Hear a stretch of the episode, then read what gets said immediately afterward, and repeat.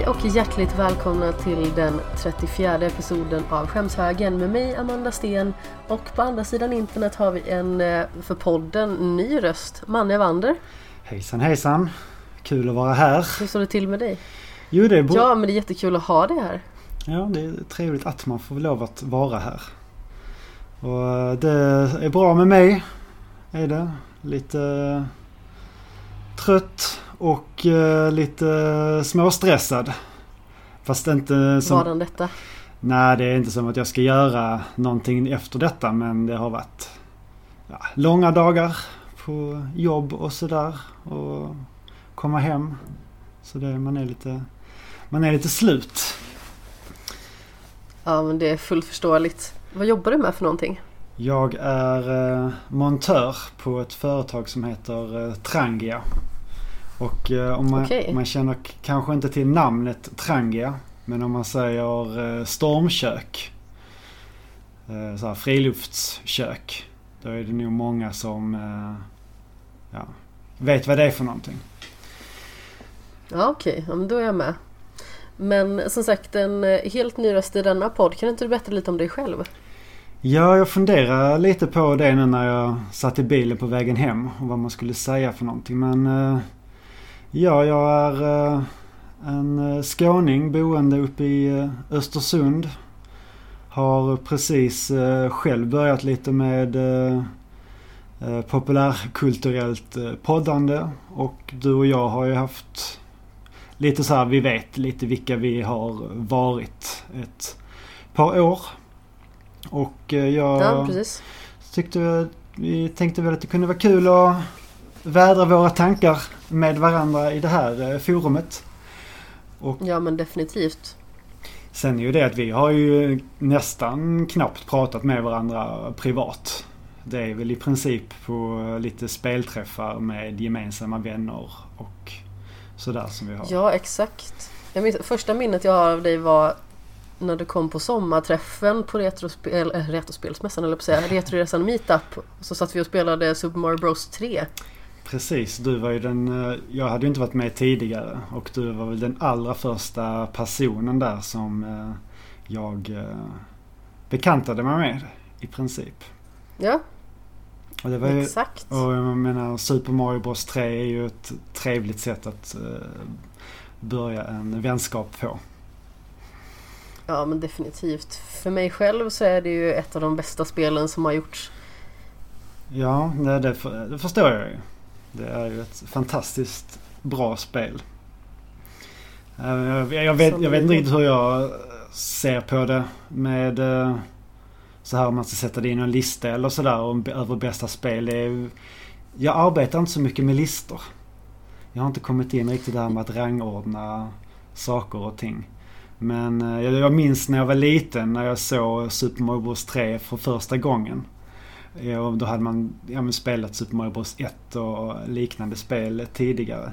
Och när jag såg just Super Mario Bros 3 tyckte jag att vilken fantastiskt häftig grafik det var. Det är ju nästan som att det ser ut som på riktigt. ja precis. men alltså det är ju jättefint att titta på fortfarande idag. Man märker liksom vilka framsteg de gjorde mellan de olika spelen. Verkligen. Ja men det känns ju inte som att det är på samma konsol ens. Om man jämför Super Mario Bros 1 och Super Mario Bros 3. Precis. Ja det är jättefint. Ja. Men eh, jag vet inte om du nämnde det innan. Vad hette din podd? Så att eh, alla lyssnare får eh, veta det redan. Den heter Vänta, jag ska bara dö först. Heter den. Ja men exakt. Och det är jag och eh, Niklas eh, Pajlen Pelainen som eh, har en podd där vi diskuterar och pratar om populärkultur i allmänhet men tv-spel i synnerhet blandat med matlagning. Och vi tyckte det var en, någonting som båda två tycker är en, ja, en, roligt att diskutera kring Alltså någonting som båda två Eh, brinner för. Och eh, just det här med att på något sätt eh, ja, men lite inspirera folk som, mm, folk som håller på mycket med tv-spel och den så kanske inte är så intresserade av just matlagning och mer tycker att det är ett nödvändigt ont. Kanske ja, inspirera och komma med lite tips på saker man kan laga mellan sina spelsessioner. Ja men precis. Nu är det kanske lite mer av en nidbild i dagens samhälle men när det gäller liksom videospelsfolk i allmänhet så är väl matkulturen liksom inte på topp alltid. Och det är ju väldigt viktigt att ändå tänka på. Ska man sitta och koncentrera sig så pass länge som man oftast gör när man sitter i en spelsession då behövs ju liksom en välbalanserad måltid att lägga bakom och kanske inte bara trycka i sig tre stycken Billys panpizza liksom. Nej precis. Och visst det kan man ju göra det också. Om någon gång då och då när nöden ja, eh, tryter. Absolut. Men... Ähm... Ja definitivt. Jag är skyldig. ja och men vi vill, framf- vi vill kanske just försöka ändra lite på den nidbilden. Och eh, det är ja. ju så att den här nidbilden den, den, finns ju där av en anledning. För det är ju väldigt många som så fastnar i det här dåliga matvaneträsket. Jo men det är så lätt också. Så jag vet personligen eh, Nu har jag bott själv de senaste nästan fyra åren. Ja. Och jag var ju mycket bättre på att liksom göra storkok och laga liksom ordentliga stora måltider när jag hade någon laga till. Och det vet jag att eh, när jag har besök av eh, min eh, kära partner också så är det liksom ordentlig mat som lagas och det är väldigt eh, sällan det ens är någonting som, som liksom, nu körde vi till exempel så här färdigformade hamburgare men det var liksom ändå eh, gjort på nötkött till exempel, inte halvfabrikat och sådär. Ja, eh, så det är ungefär till de längderna man kanske går istället för att liksom bara hitta allting i frysdisken. Mm. Ja men precis. Och det är väl ja, just det här med att, tänka, att hitta lite glädjen i att laga någonting själv istället för att gå den enkla vägen. Mm, precis, och framförallt gilla att laga mat till bara sig själv. Mm. För jag kan nästan känna att det är lite sorgligt när jag har lagat någonting som jag tycker är jättegott och så sitter jag där helt själv och bara ja, vad gott det var. Mig själv, tack. Ja, det här skulle man ju vilja dela med någon men uh, var ja, finns exakt. den personen någonstans? Det är, ja. Och det är alltså just när man har lagat något gott med någon annan så kan man sitta där och götta i sig och uh, sen tittar man på varandra och ah, det, här, det här gjorde vi bra. Så ger man varandra varsin high five och sen så fortsätter man äta. Ja men exakt. Det var väldigt roligt när jag eh, skulle släppa av Jimmy vid tågstationen när han skulle åka hem till Stockholm för det var några månader sedan nu förvisso. Men eh, då var det en man som stod bredvid oss på tågstationen som säger så här ah, alltså det jag åt, jag fick tårar i ögonen. Och vi liksom kollade på varandra och bara så här, den här snubben måste ha ätit någonting riktigt starkt. Och sen så bara utbrister han, det var så gott! så, vad har den här människan ätit för någonting? Precis, ge mig receptet. ja, alltså, vi bara kollade på varandra igen och eh, brast ut i skratt för att eh, det lät så fantastiskt roligt liksom att han hade ätit någonting som han liksom började gråta av för att det var så gott. ja, jag tänker lite nyfiken här just hur um, i och med att du tränar väldigt mycket och uh, sådär håller igång. Eh, tänk, tänker du något speciellt på just att du får i dig allting du behöver i din träning eller du kör bara på? Eh, jag var mycket mer nitisk för några år sedan. Då var jag också i ganska mycket bättre form och jag tränade väldigt mycket mer än vad jag gör nu. Eh, för att då var jag heltids-PT också. Mm. Så då kunde jag liksom träna så fort jag inte hade någon klient. Så det kunde liksom bli att jag körde flera gånger om dagen ibland. Eh, nu kanske det är att jag tränar två gånger om dagen men det är liksom inte på samma sätt. Och, och då kanske det är typ så här, men, då är det planerat att jag ska träna två gånger utan eh, innan så var det lite mer att det kunde bli väldigt mycket oplanerad träning. Mm. Men eh, i dagens läge försöker jag egentligen tänka på att men, eh, alltså jag försöker oftast äta kvarg till frukost för att det tycker jag oftast är lättast att få i mig för jag tycker det är bökigt att äta på morgonen. Mm. Och sedan så försöker jag få i mig eh, något litet mellanmål. En, en lunch som eh, ska försöka att, eh, att, att få mig att hålla mig till ganska så sent. Så oftast är det ju liksom det bästa om det är hyfsat liksom så proteinrikt. För då blir man liksom mer mätt. Man, sonika. precis, man står sig lite längre på det än just snabba kolhydrater. Ja. Och, och sedan på kvällen så eh, försöker jag väl hålla mig eh, lite likadant som lunchen egentligen. Men eh, jag har liksom inga så här jättestora restriktioner. Det är bara det att jag försöker att äta vällagad mat från grunden egentligen. Eh, att det ska vara så lite halvfabrikat som möjligt. Sen kan det ju bli sådant ändå för att eh, de senaste åren framförallt så har jag eh, gått över att äta lite mer vegetariskt också. Mm, okay. mm. Eh, just för att jag hade en period där jag tröttnade väldigt mycket på hur kött och eh, kyckling och dylikt smakade. Mm. jag fick väldigt svårt att äta det.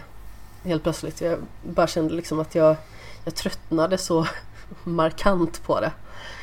Men det är egentligen som jag tänker på primärt när jag äter. Liksom så att försöka äta alltså med proportioner. Att jag liksom inte gör så extremt stora portioner. Att jag hellre äter eh, lite mindre mål lite oftare. Så att det liksom inte blir att man äter eh, ihjäl sig på kvällen sen och så ska man sova på det.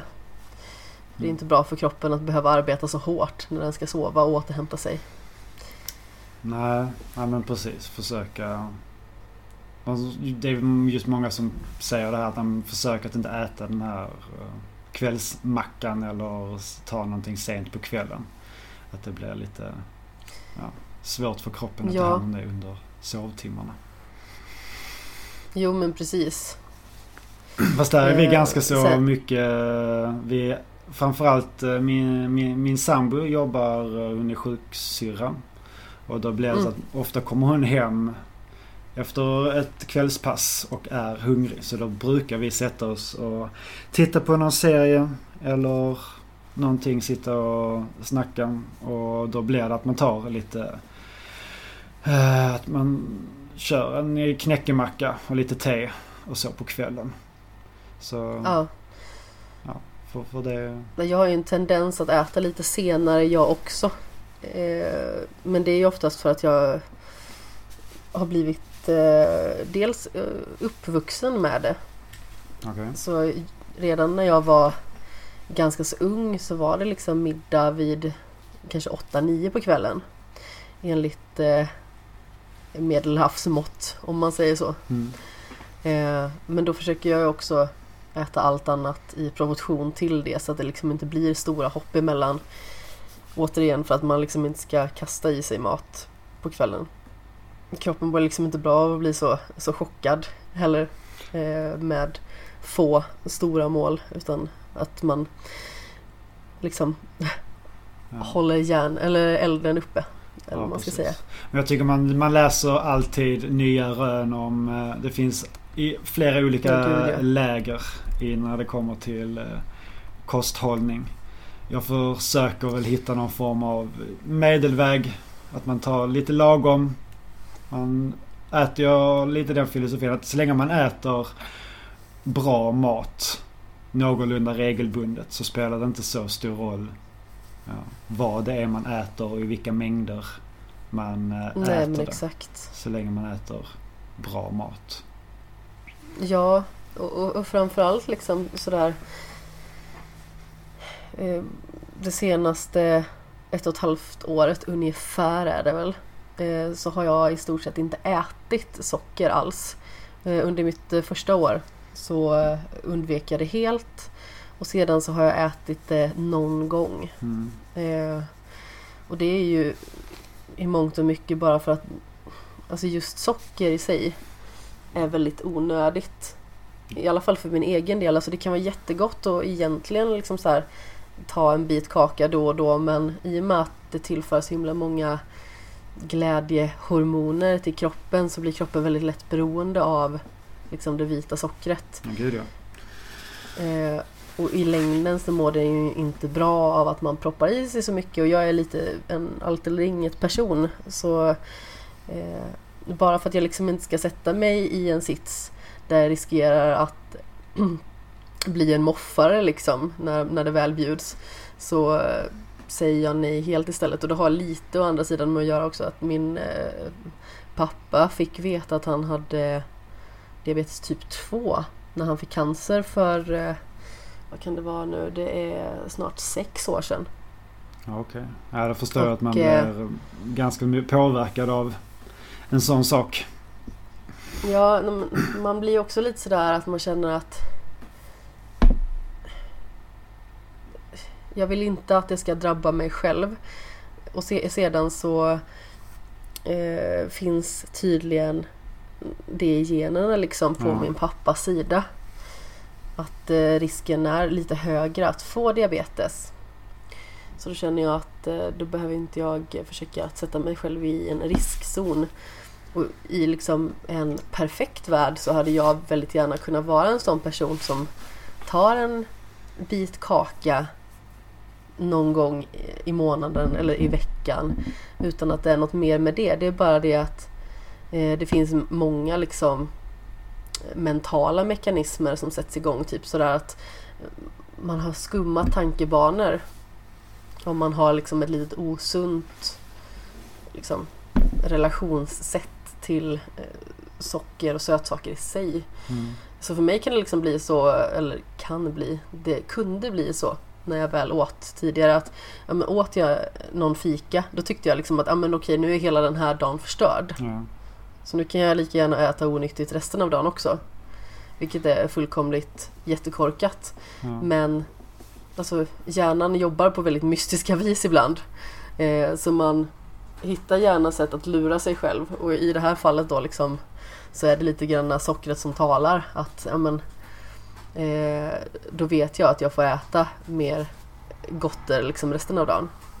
Ja. Men eh, det, det, känns eh, mycket bättre för mig att hellre inte äta och veta att ja, men då håller jag mig helt ifrån det i stort sett. Än att eh, liksom testa mina gränser för det känns lite onödigt. Mm. Eh, och när man har hållit uppe med det så pass länge som jag har gjort Alltså då är det väldigt lätt att säga nej. Jo men precis, det man handlar om att vänja sig vid det. Jag gjorde nog inte riktigt lika extremt men jag hade något för något år sedan. Att... Uh, ja men jag tror det var ett nyårslöfte jag hade att jag ska inte äta, jag ska inte köpa något socker. Jag ska inte köpa ja, men, godis eller glass eller kakor eller chips eller sådana onödigheter själv. Men mm. om jag blir bjuden på det eller jag går hem till någon annan. Då, eh, då äter jag det gärna. För att då, eh, då känns det lite som en lyxgrej. Att man unnar det sig när man är iväg. Och jag kör väl lite samma grej till eh, kött där. Även om vi äter väldigt lite ja. kött hemma. Så vi gör det ibland och det är väl framförallt att när man är iväg så vill jag inte sätta krav på någon annan. Att ja men det här, nu kan, måste vi laga något vegetariskt för att de är vegetarianer.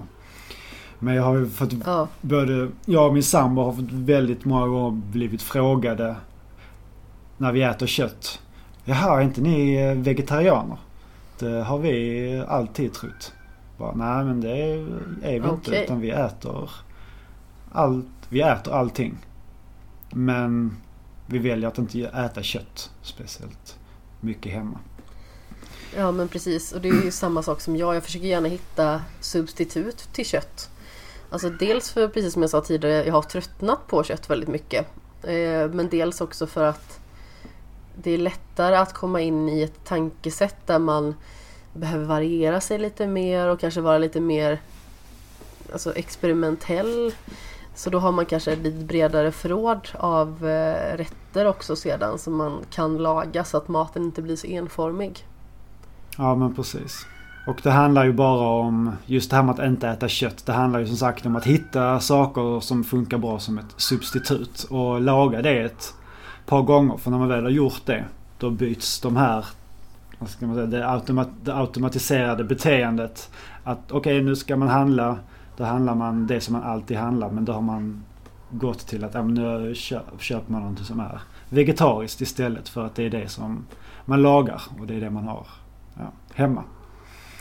Jo men precis. Det märker jag väldigt mycket alltså, när jag tänker på men, säg en sån rätt som korvstroganoff till exempel. Det tycker jag är jättegott. Mm. Men överlag numera så blir det nästan alltid halloumi stroganoff istället. Mm. Ja, det är samma här. Och jag, det, ty det tycker jag har grejer. blivit godare faktiskt. Fast mycket av det beror nu på att när man gjorde, om man gjorde korv innan så gjorde man alltid på ett sätt. Och det smakade korv stroganoff. Men sen när man gör halloumi i stroganoff, man följer ett visst, ett annat recept på det. Som man lär sig. Och då märker man, okej okay, de har det här och de här kryddningen istället och man gör det lite på ett annorlunda sätt. Så nu tycker jag det är ja, minst lika gott om inte godare än vanlig korvstroganoff. Ja absolut och sen så är jag väldigt svag för ost också ska jag villigt erkänna. Mm, så, alltså typ eh, halloumi och eh, panir till exempel som man använder mycket i indiska maträtter. Mm. Eh, fetaost, mozzarella Alltså ha det i olika typer av eh, maträtter, det är ju jättegott. Absolut. Ost i livet. Ja, verkligen. Jag är ju så här ost och såsmänniska. ja. Ja, det... Jag har en kompis som inte gillar något av det. Jag bara, du är en farlig människa som man ska ja. akta sig för. Ja, men precis. Hoppas inte det är smittsamt. ja, nej, så får det inte bli. Ja. Men eh, du hade spelat en hel del. Det senaste i alla fall. Eh, vi gick igenom lite här eh, kort precis innan vad vi har tagit oss an. Och eh, är det någon spelände som du vill börja? Jag kan, vi kan börja med det som jag var färdig med för ett tag sedan. Även några, några veckor sedan nu. Och det är ju första spelet i spelserien God of War till Playstation mm -hmm. 2. Och eh, är det någonting du är bekant med? Eh, på håll. Jag har inte provat det själv faktiskt. Okej. Okay. Har du spelat de senare spelen i eh, serien eller är det bara Nej, alltså, jag har testat bara liksom Playstation 4-spelet i några timmar. Okej. Okay. Men det var inget som eh, föll i smaken eller du föll bara bort på grund av annat?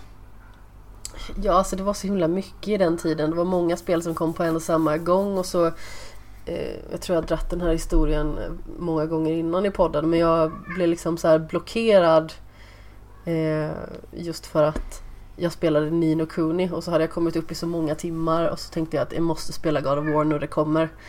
Och så kände jag liksom inte att jag blev indragen direkt och sen så när jag skulle tillbaka till Nino Kuni så kände jag att nu är det inte samma sak längre. Okej. Okay. Så det God of War förstörde lite Nino Kuni för dig? Ja men precis, de förstörde varandra på något vis. Men eh, jag känner ju liksom att Nino Kuni 2 vill jag ju tillbaka till.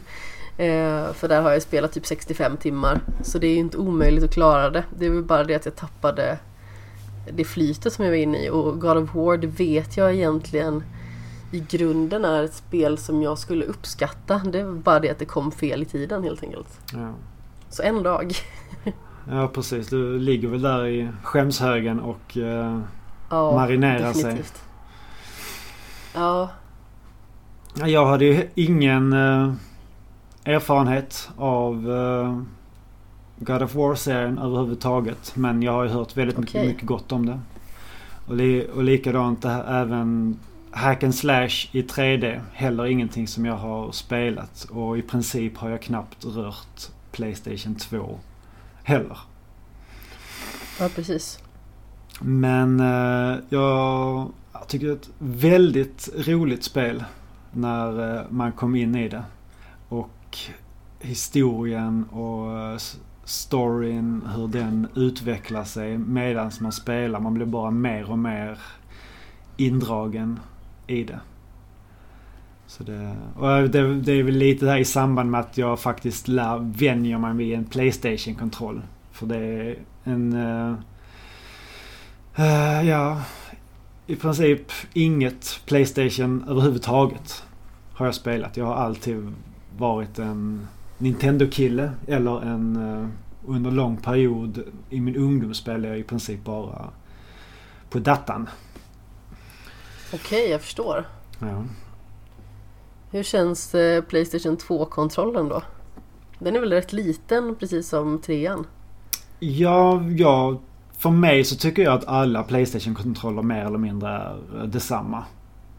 Eh, och okay. i och med att jag inte har spelat så mycket av de an andra konsolerna så är, har jag väldigt lite, jag har ingen relation till, till dem. Men... Eh, ja, vad ska jag säga? Som inte redan har blivit sagt om God of War. Men... Eh, jag lärde mig ju att... Alltså det har ju varit nu, nu känner jag att nu, nu vet jag var eh, triangel sitter. Nu vet jag var cirkel sitter. Och jag hade, i och med att det här spelet är ganska mycket byggt på eh, halv quicktime events. Så i, bör, okay. i början var jag helt lost i vissa av eh, kombinationerna. som var just att avsluta vissa monster och fiender så krävs det att man ska inom en viss tidsram trycka på en viss knapp. Ah, jag förstår. Och då var det så här, oj nu ska jag trycka på den knappen. Så titta ner på kontrollen, var sitter den någonstans? Och eh, det ledde ju i början till att det inte gick så bra. alltså jag känner igen det där fast liksom på Xbox-hållet för att när det står liksom, ja men tryck det här för att göra ditten. Då blir jag ju helt lost i bollen, verkligen. I synnerhet när det står så här tryck på kryss. Man bara så här, fan. den sitter inte där jag är van vid att den ska sitta. Ja, jag har spelat mm. till majoriteten liksom Playstation tidigare. Och gjort det mycket dessutom.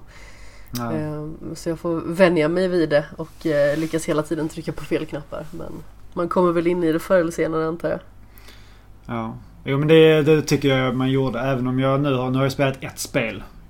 och det tar, även om jag inte är helt hundra kompis med kontrollen så framåt slutet känner jag ändå att okej okay, nu, nu, vet jag hur jag ska göra de olika eh, kombinationerna i, eh, ja, i mina strider.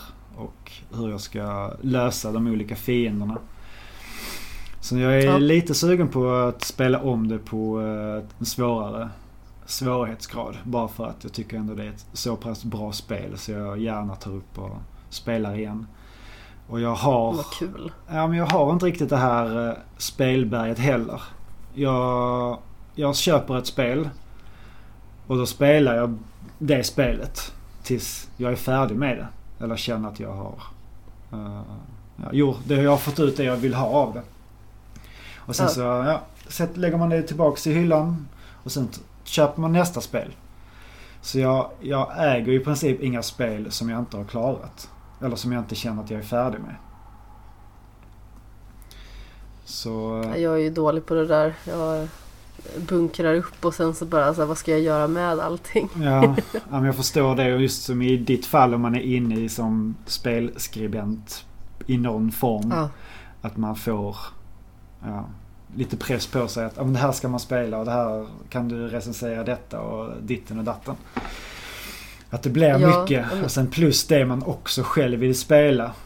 Eh, och så man hit, om man köper någonting på någon rea eller kommer över någonting. Att det blir Exakt. Och sen, mycket. Ja, jag är en ganska långsam spelare också.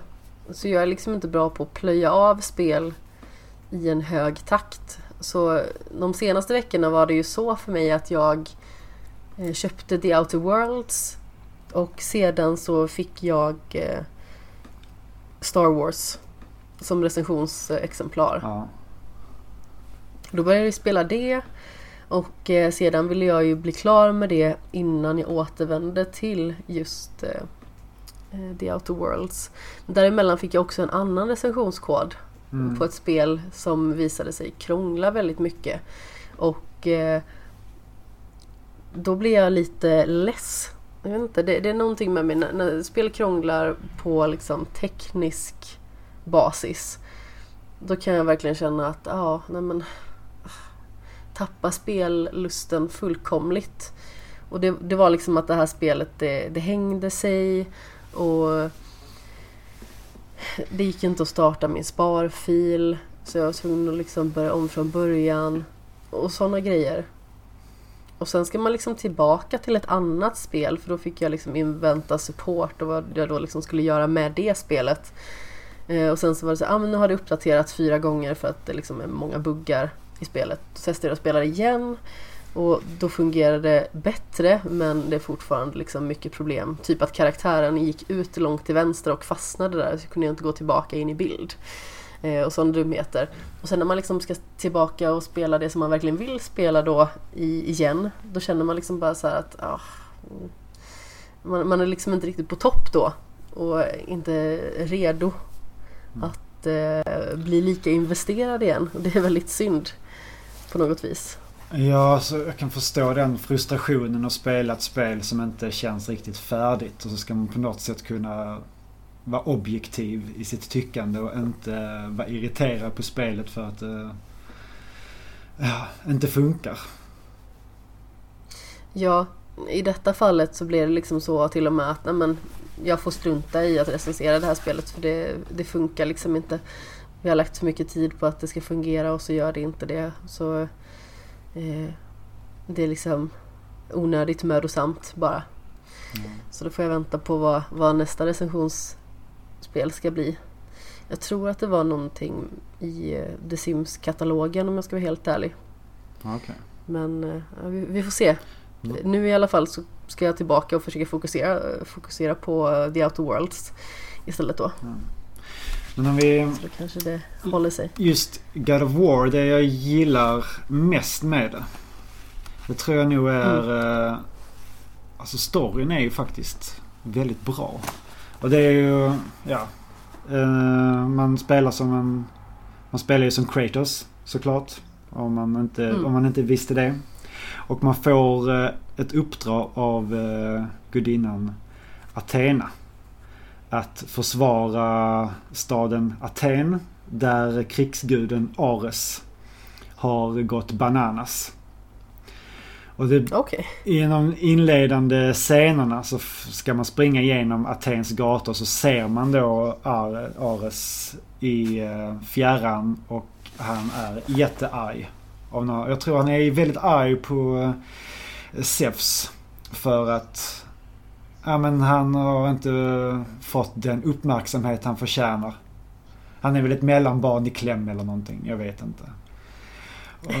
Och, och uh, då ska man då med hjälp av andra gudar då eh, hitta en eh, Pandoras box. Och med hjälp av denna ska man då lyckas besegra Ares. Och det jag blev förvånad över också är att det är väldigt mycket pusselelement i det. Lite likt uh, Zelda. Mm -hmm. Genren. Lite, så, lite dungeon-aktigt i vissa rum att man ska det är switchar som ska ändras på, man ska flytta på lådor och man ska... Det, och det, ja, men jag gillar sånt. Jag är ju ett stort fan av Zelda och uh, den typen av uh, spel. Så ibland så kommer man ju helt bort från det här action-biten och ska man helt, ska man helt enkelt Krotos uh, tänka. Och han, det, ja. det, känns inte som att... Där känns ju han ju lite out of place. Han känns ju inte som den mest smarta spelkaraktären. Han är ju mest en brute force snubbe. Ja men precis. Men man får... Knytnävar före gärna. Och just att man får inte hela storyn utbredd, utberättad för sig direkt i början. Utan det luckras upp mer och mer om varför han är så himla arg som han är och vad hans uh, agenda mot Ares Eh, varför han vill hjälpa gudarna med att få ner honom då. Ja. Och det tyckte jag var väldigt snyggt. Hur man fick det berättat för sig. Hela bakgrundsstoryn och hela den biten. Så det... Och trots att det är på ett uh, så pass gammal uh, konsol så tycker jag ändå att det är snyggt när man spelar det. Och väldigt snyggt i uh, mellansekvenserna när man får se lite jag vet, jag vet, typ real time videos över, ja, över storyn. Sen så finns det vissa mm. sekvenser i det som är mittemellan videosekvens och spel. Och då ser det bara så riktigt, riktigt dåligt ut. Då... Åh oh, nej. Ja. Ja, men det, är det blir så himla märkligt när man får se en bild och så ser allt för jävligt ut och sen så bara okej, okay, klipper det och sen så kommer det tillbaks. Och så okej, okay, nu är det en riktig video här och då är det helt plötsligt jättesnyggt. Men uh, ja, det har jag haft väldigt roligt med och jag till och med när man pratar om slutet och så här, man får lite den här gåshuden tillbaks från när man spelade igenom. Det kändes, det kändes som så ett riktigt episkt eh, avslut på den här grekiska draman. Så det, ja, det var ett, ett starkt, stark spelupplevelse för i år. Jag fattar verkligen att uh, det är så hyllat som det är. Mm. Så det... Ska du spela vidare i serien sen också, hade du tänkt? Uh, det är inget som jag har planerat så, men uh, det gör jag gärna. I och med att jag spelar God of War 2 finns ju även det på Playstation 2. Jag äger ingen PS3 eller en PS4 så det blir kanske ett eh, senare projekt. Men jag har heller aldrig haft ett behov av att ha det, det senaste. Och jag spelar nästan alltid spel som jag vet håller i längden också. Och inte bara är uh, något man spelar för att det är det nyaste, häftigaste. Ja men exakt. Så jag har inga problem med att gå tillbaka och spela gamla spel. Jag sp vet inte katten om jag ens har spelat något spel i år. Som har släppts i år. Nej men exakt. Uh, Yoshi's, jag Yoshi's eh, Crafted... var bättre på att gå tillbaka innan. Uh, Yoshi's eh, Crafted World har jag spelat i år. Och det släpptes i år. Ah. Det, Just det, det är på Switch ja. Ja precis. Så det är ju min senaste, vad ska man säga, det är min, det är min nya konsol. Om man säger så. Även om, det, ja. även om den nu börjar bli lite, börjar bli lite gammal. Den är väl tre år i, till våren. Har väl den varit ute? Ja men precis, det stämmer. Jag tycker väldigt mycket om min Switch. Jag tycker att det är en eh, väldigt bra konsol. Jag eh, skaffade den också ganska så sent. Mm. Jag har haft min i eh, inte ens ett år. Okay. Men eh, kände att det var dags. Och när jag väl skaffade den så blev jag väldigt nöjd. Mm. Måste jag säga. Ja den är, ja, den är kanonkonsol verkligen. Och framförallt för min del som åker ner till Skåne lite, lite då och då. Och ibland när det inte är nattåg så blir det ju dagståg och då är det ju väl, då kan man ju spela väldigt mycket på vägen. Ja. Vilket är härligt. Ja men exakt. Jag har haft samma sak med pendlande med tåg och nu även när jag har åkt en del till eh, Stockholm så har det ju kommit till väldigt bra pass. Ja. Ja, det... Ja, den, jag tycker den är grym. Över, alltså just att det oh, ett stort bibliotek och även för mig speciellt då som jag bryr mig inte om det är ett nytt eller ett gammalt spel. Så finns det ju ett jättestort retro, alltså inte, inte bara retrobibliotek men spel som släpptes i förra generationen på alla andra konsoler. Mycket finns mm. ju nu på switchen. Absolut. Men du hade spelat lite mer av den äldre sortens spel för du hade ju spelat uh, Ocarina of Time, eller hur? Ja, jag och tjejen har uh, precis börjat spela det. Och då spelar vi det på Virtual Console till Wii. Ah, så, jag förstår. Ja, så det, det är väl... Hur funkar det? Än så länge tycker jag det funkar uh, helt okej. Okay. Eh, det ser ofta för jävligt ut. Men det är ju inte, det är inte Wheats fel. Det är ju, ja, det är ju inte jättesnyggt alltså. Nej, det, det är ju inte det. Men har du spelat Ocarina of Time? Nej, jag har faktiskt inte det. Jag har bara sett det. Ja. På lite videos och sådär. Ja. Och det ser ju faktiskt rätt eh, kackigt ut. Jag tror inte att det är ett spel som på något vis skulle passa mig att gå tillbaka till. Däremot så spelade jag ju A Link to the Past väldigt sent. Mm. Ehm, Ja, men det gjorde jag också. och det tycker jag om jättemycket. Mm, ja, men det är ju... Det kommer aldrig bli gammalt. Det, Nej men det är lite mer tidlöst. ja, det är ju det. Det, det funkar. Men eh, det som är som... Det som verkligen stör mig med Ocarina of Time rent grafiskt är att vissa delar i det är skitsnyggt. Det var något, Ja. något tillfälle så, så här, om solen går upp och sen så tittar man upp i himlen. Och då är det verkligen så att, men den här himlen den ser ju, visst det är, det är en himmel, det är, det är blått. Men, men, men, men, det är ändå det här att ja, det ser verkligen ut som en himmel. Och även andra detaljer som är snyggt eh, gjorda i 3D är väldigt detaljrikt och snyggt. Och så blandas det med det här utsmetade...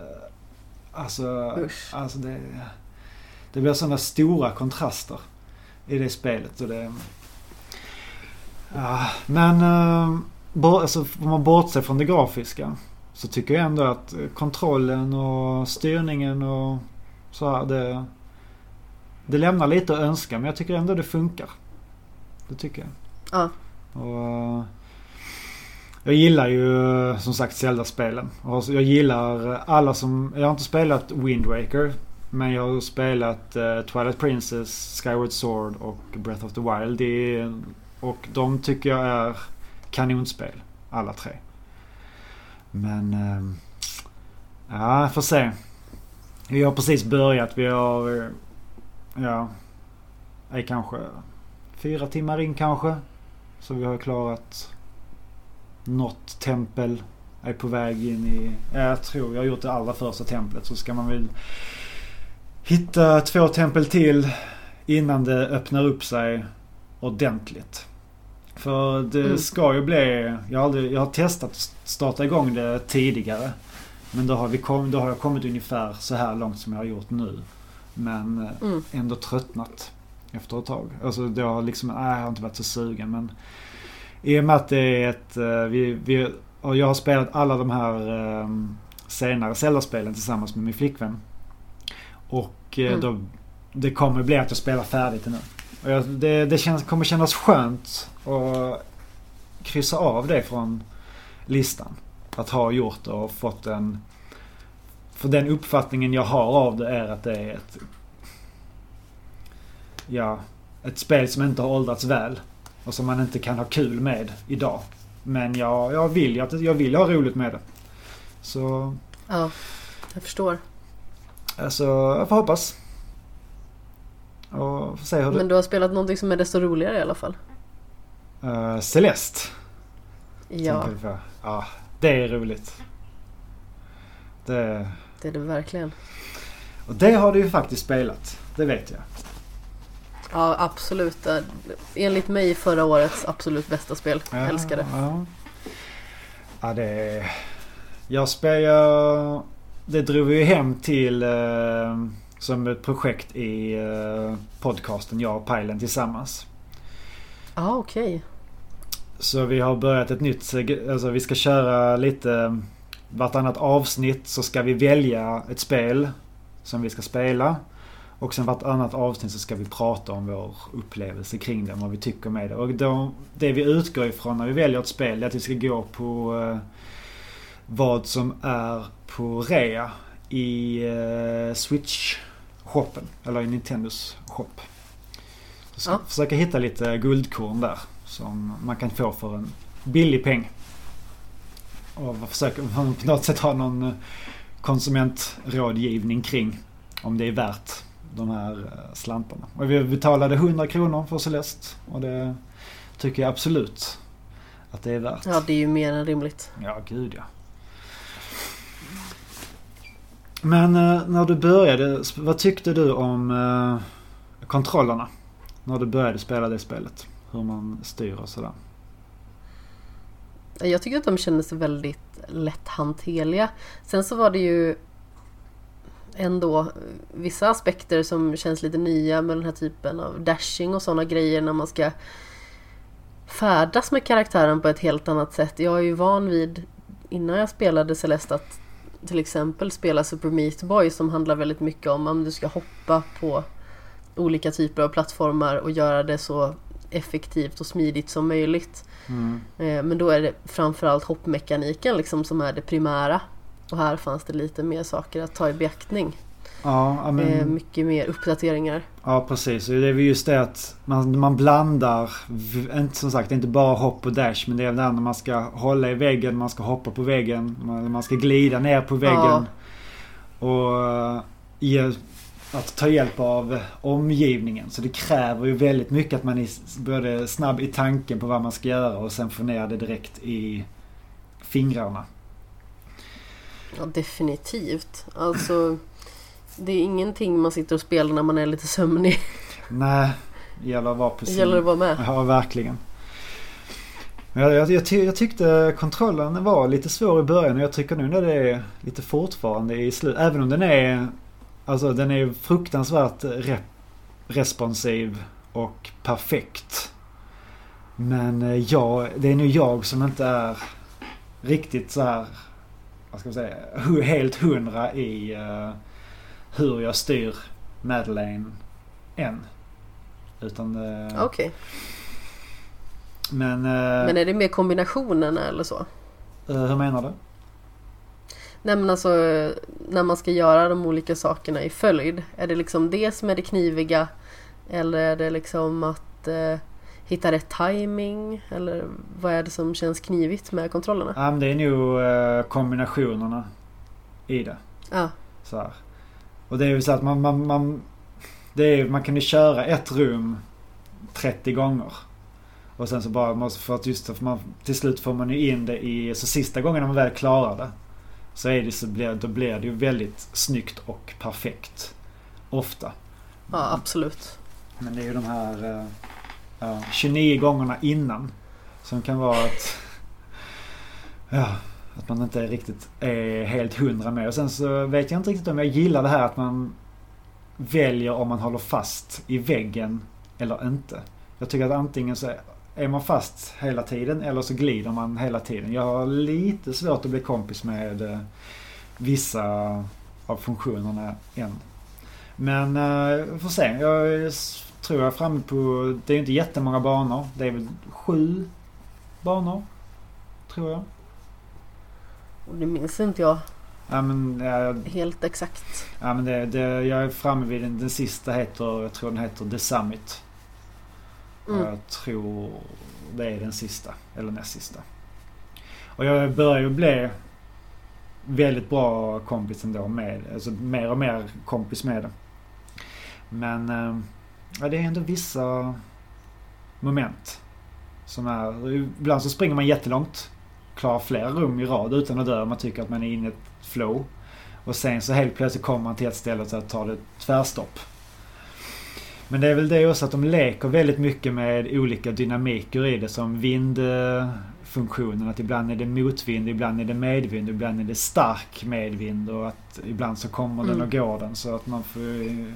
Det är inte bara en själv ibland man måste ta hänsyn till utan även att miljön är föränderlig runt en. Ja, absolut. Alltså det finns ju mycket att ta i beaktning i spelet och det finns mycket att uppleva i spelet också. Alltså allt ifrån liksom själva berättelsen i sig till hur musiken bygger upp och Mm. eh, ja, men, Så det, är- så det, ja, det har hur man hanterar banorna liksom. Ja. ja, det har vi ju som sagt inte nämnt någonting med just berättelsen och hur den berättas och utvecklas. Den är ju också... Ja, den är kanon. Och det, har ju, det, det, kän, Ja. det känns ju verkligen inte som att sånt där, när man ser det från början, det känns ju inte som att det ska ha ett djup på det sättet. Men uh, just hennes fight mot sina egna svagheter och sina egna struggles i livet. Det är ju ett, ett väldigt häftigt sätt att berätta det på. Ja, men det är väldigt få spel som använder spelmekanik som ett berättargrepp Ja. på det här viset. För att i Celeste så handlar det ju väldigt mycket om att eh, svårighetsgraden på spelet till exempel. Den utgör ju en stor del av berättandet. Att du klättrar upp för ett berg i mångt och mycket och det är det som är liksom en, en hård kamp och du faller tillbaka och du gör misstag hela tiden. Eh, men till slut så lär du dig av misstagen och då kommer du kunna ta dig vidare mm. till nya höjder. Ja. Och, som... och, sedan kanske du helt plötsligt faller tillbaka eh, nästan ända ner till botten igen. När du liksom blir så extremt påverkad i vissa situationer av ditt förflutna. Ja. Precis, och som hon berättar också att hon vet inte varför att hon, varför hon ska bestiga det här berget. Utan det är bara någonting mm. som hon känner att hon måste göra. Ja. Men sen så förstår man ju mer och mer om varför det är hon gör det. Precis. Och just det här taxi. Ja, ni får ursäkta, det är en katt som löper i bakgrunden till en. Ja, det, det är okej. Okay. Ja, eh, hon får lägga sig och sova snart bara, tycker jag. och sen just... Jag tycker det är ett magiskt spel. Ja, och sen i enkelheten i eh, grafiken också. Gör att det blir... Ja, det, visar också att det krävs ju inte mycket. Uh, även om det ser bedårande vackert ut så är det ändå enkelt och i sitt, ja, NES slash SNES grafik. Får man väl någonstans... Ja. ja. Men det är det som är så fint också med den här upplevelsen på något vis att du kan själv tackla spelet ut efter din egen mottaglighet för den här typen av upplevelse. Mm. För är du en person som vill sätta dig och spela ett svårt spel och bara just spela på grund av mekaniken och, och ta dig an den vägen. Det funkar hur fint som helst. Man blir liksom inte påprackad en berättelse utan den pågår väldigt mycket i periferin. Ja. Ehm, men är man mottaglig för ett djup och framförallt liksom kan känna med den här psykiska ohälsan som hon strider mot. Alltså då blir det en väldigt stark känslomässig upplevelse också och man känner sig verkligen som en vinnare när man har kommit upp till toppen. Det känns som att man liksom har gjort en stor personlig vinst i livet när man har klarat det här spelet. Ja, ja det, nu har jag inte kommit så långt än men jag kan verkligen förstå. Det känner man ju med varje passage man klarar. Så ja. är det ju en lättnadens suck. För vissa, ja, vissa hinder är det så att man håller på och tragglar. Och är man nästan hela vägen fram men så dör man och så måste man börja om från början. Ja. Det är bara så här, okej, okay, tar vi ett djupt andetag och sen så är det inte säkert att man kommer lika långt nästa gång utan då dör man kanske direkt. Och sen så, mm. Men det är ju någon gång så sitter ju bara det här. Man hittar det här flowet. Man vet hur man ska göra och sen så bara gör man det. Och när man väl gör det så är det så här. Ja men det där var inte så svårt. ja men precis. Och återigen liksom att bara repetera. Våga fortsätta. Ja. Sen förr eller senare så kommer det gå. Ja men precis för det det är ett svårt spel. Men vem som helst kan klara det. Ja, och sen så finns det ju inställningarna så pass fint att man kan ställa in så att spelet blir mycket lättare. Mm. Ja, precis. Man kan ha assist Och man kan liksom skräddarsy. Mm. Ja. Och det blir också en väldigt fin passning till det här liksom att du behöver inte göra den här resan ensam. Du kan faktiskt be om hjälp och få, få stöd under vägen. Mm. Men spelade du igenom uh, de här B-sidorna och den delen också? Eller du körde bara huvudstoryn? Jag har kört huvuddelen. Sen så har jag funderat på att gå tillbaka till B-sidor och sådana grejer. Eh, men det har liksom inte riktigt hunnits med.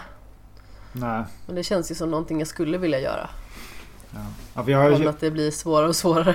Ja precis. Ja, men jag, jag känner väl lite nu att nu när jag väl har blivit så pass bra med eh, bra vän med kontrollerna.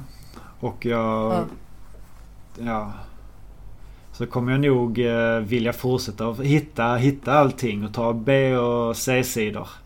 Och försöka eh, klara ut det så gott jag kan. För det... Ja, jag har jävligt roligt och jag har inga problem med att eh, dunka huvudet i väggen och köra samma sak hundra gånger. Det... Inte jag heller. Alltså, framförallt när det gäller tvådimensionella spel på det här viset så kan jag vara envis som en gnu. Däremot så, alltså typ Dark Souls-spelen och sånt, det är verkligen något som jag känner så här att nej, det kommer inte gå för sig. jag kommer bara bli förbannad. Ja, jag får se hur jag gör med just, jag har ju, jag, jag, jag har ju aldrig utmanat mig själv riktigt på det. Och nu kände jag väl lite att uh, uh, jag fick ett litet smakprov på det i och med uh, God of War spelet. Att det ändå är lite ja. där. För det är också ganska snällt tycker jag i sin quick saves. Att kommer man till ett rum och man dör i det rummet så får du i princip nästan alltid börja utanför rummet direkt. Man behöver, jag behövde aldrig mm. göra om några långa passager i det. Vilket jag tyckte var väldigt fördelaktigt. Ja, jag är inte ett fan av att göra om saker liksom sådär. Så jag tycker det är skönt när man får lite så här snällare backup om man säger så. Ja. ja, just det här att göra om någonting man har klarat. Det är ju så himla ja. tråkigt. Ja men det känns bestraffande liksom. Ja. Och visst det här Celeste är ju fruktansvärt bestraffande men när du väl klarat någonting så slipper du ju göra om det. Ja. Alltså det... det är det att det, det är hårt när det är hårt men när man väl klarar det så då är det en fest. ja verkligen. Och så tycker jag ju att han äh, skäggiga selfiesnubben från Seattle. Vad är det han heter? Ja. Steve? Åh. Så är det nog. Det minns inte jag nu. Vad pinsamt. Nej. Jag har så också glömt av det. Men eh, jag, minns, jag tycker det var så kul också att han är från Seattle. Det är, så, det är så, så, random hela den grejen och att han... Just att de pratar just det här med sociala äh, medier. Theo heter han väl? Vad sa du? Theo. Theo, ja just det. Just det. Och att han, uh, har, han har slutat sitt jobb och åker runt och ska hitta sig själv. Lite han också. Då springer man in i han i det här, uh, på det här berget hela tiden. Jag tycker han är ja. väldigt charmig. Absolut. Tänkte att jag skulle prata om någonting som jag inte pratar om så himla mycket i den här podden. Jag har faktiskt fortsatt att lyssna på ljudbok och då Engelsfors-trilogin. Eh, för ungefär, det måste nästan vara ett år sedan, så lyssnade jag på första boken som då heter Cirkeln. Mm. De här tre böckerna är skrivna av eh, Sara Bergmark Elfgren och Mats Strandberg. Okay. Och är svensk fantasy. Just Engelsfors är en påhittad liten ort som vad jag förstått det som ligger i Dalarna-trakten. Mm -hmm. Och det handlar i alla fall om sju stycken ungdomar som får veta att de är häxor helt enkelt.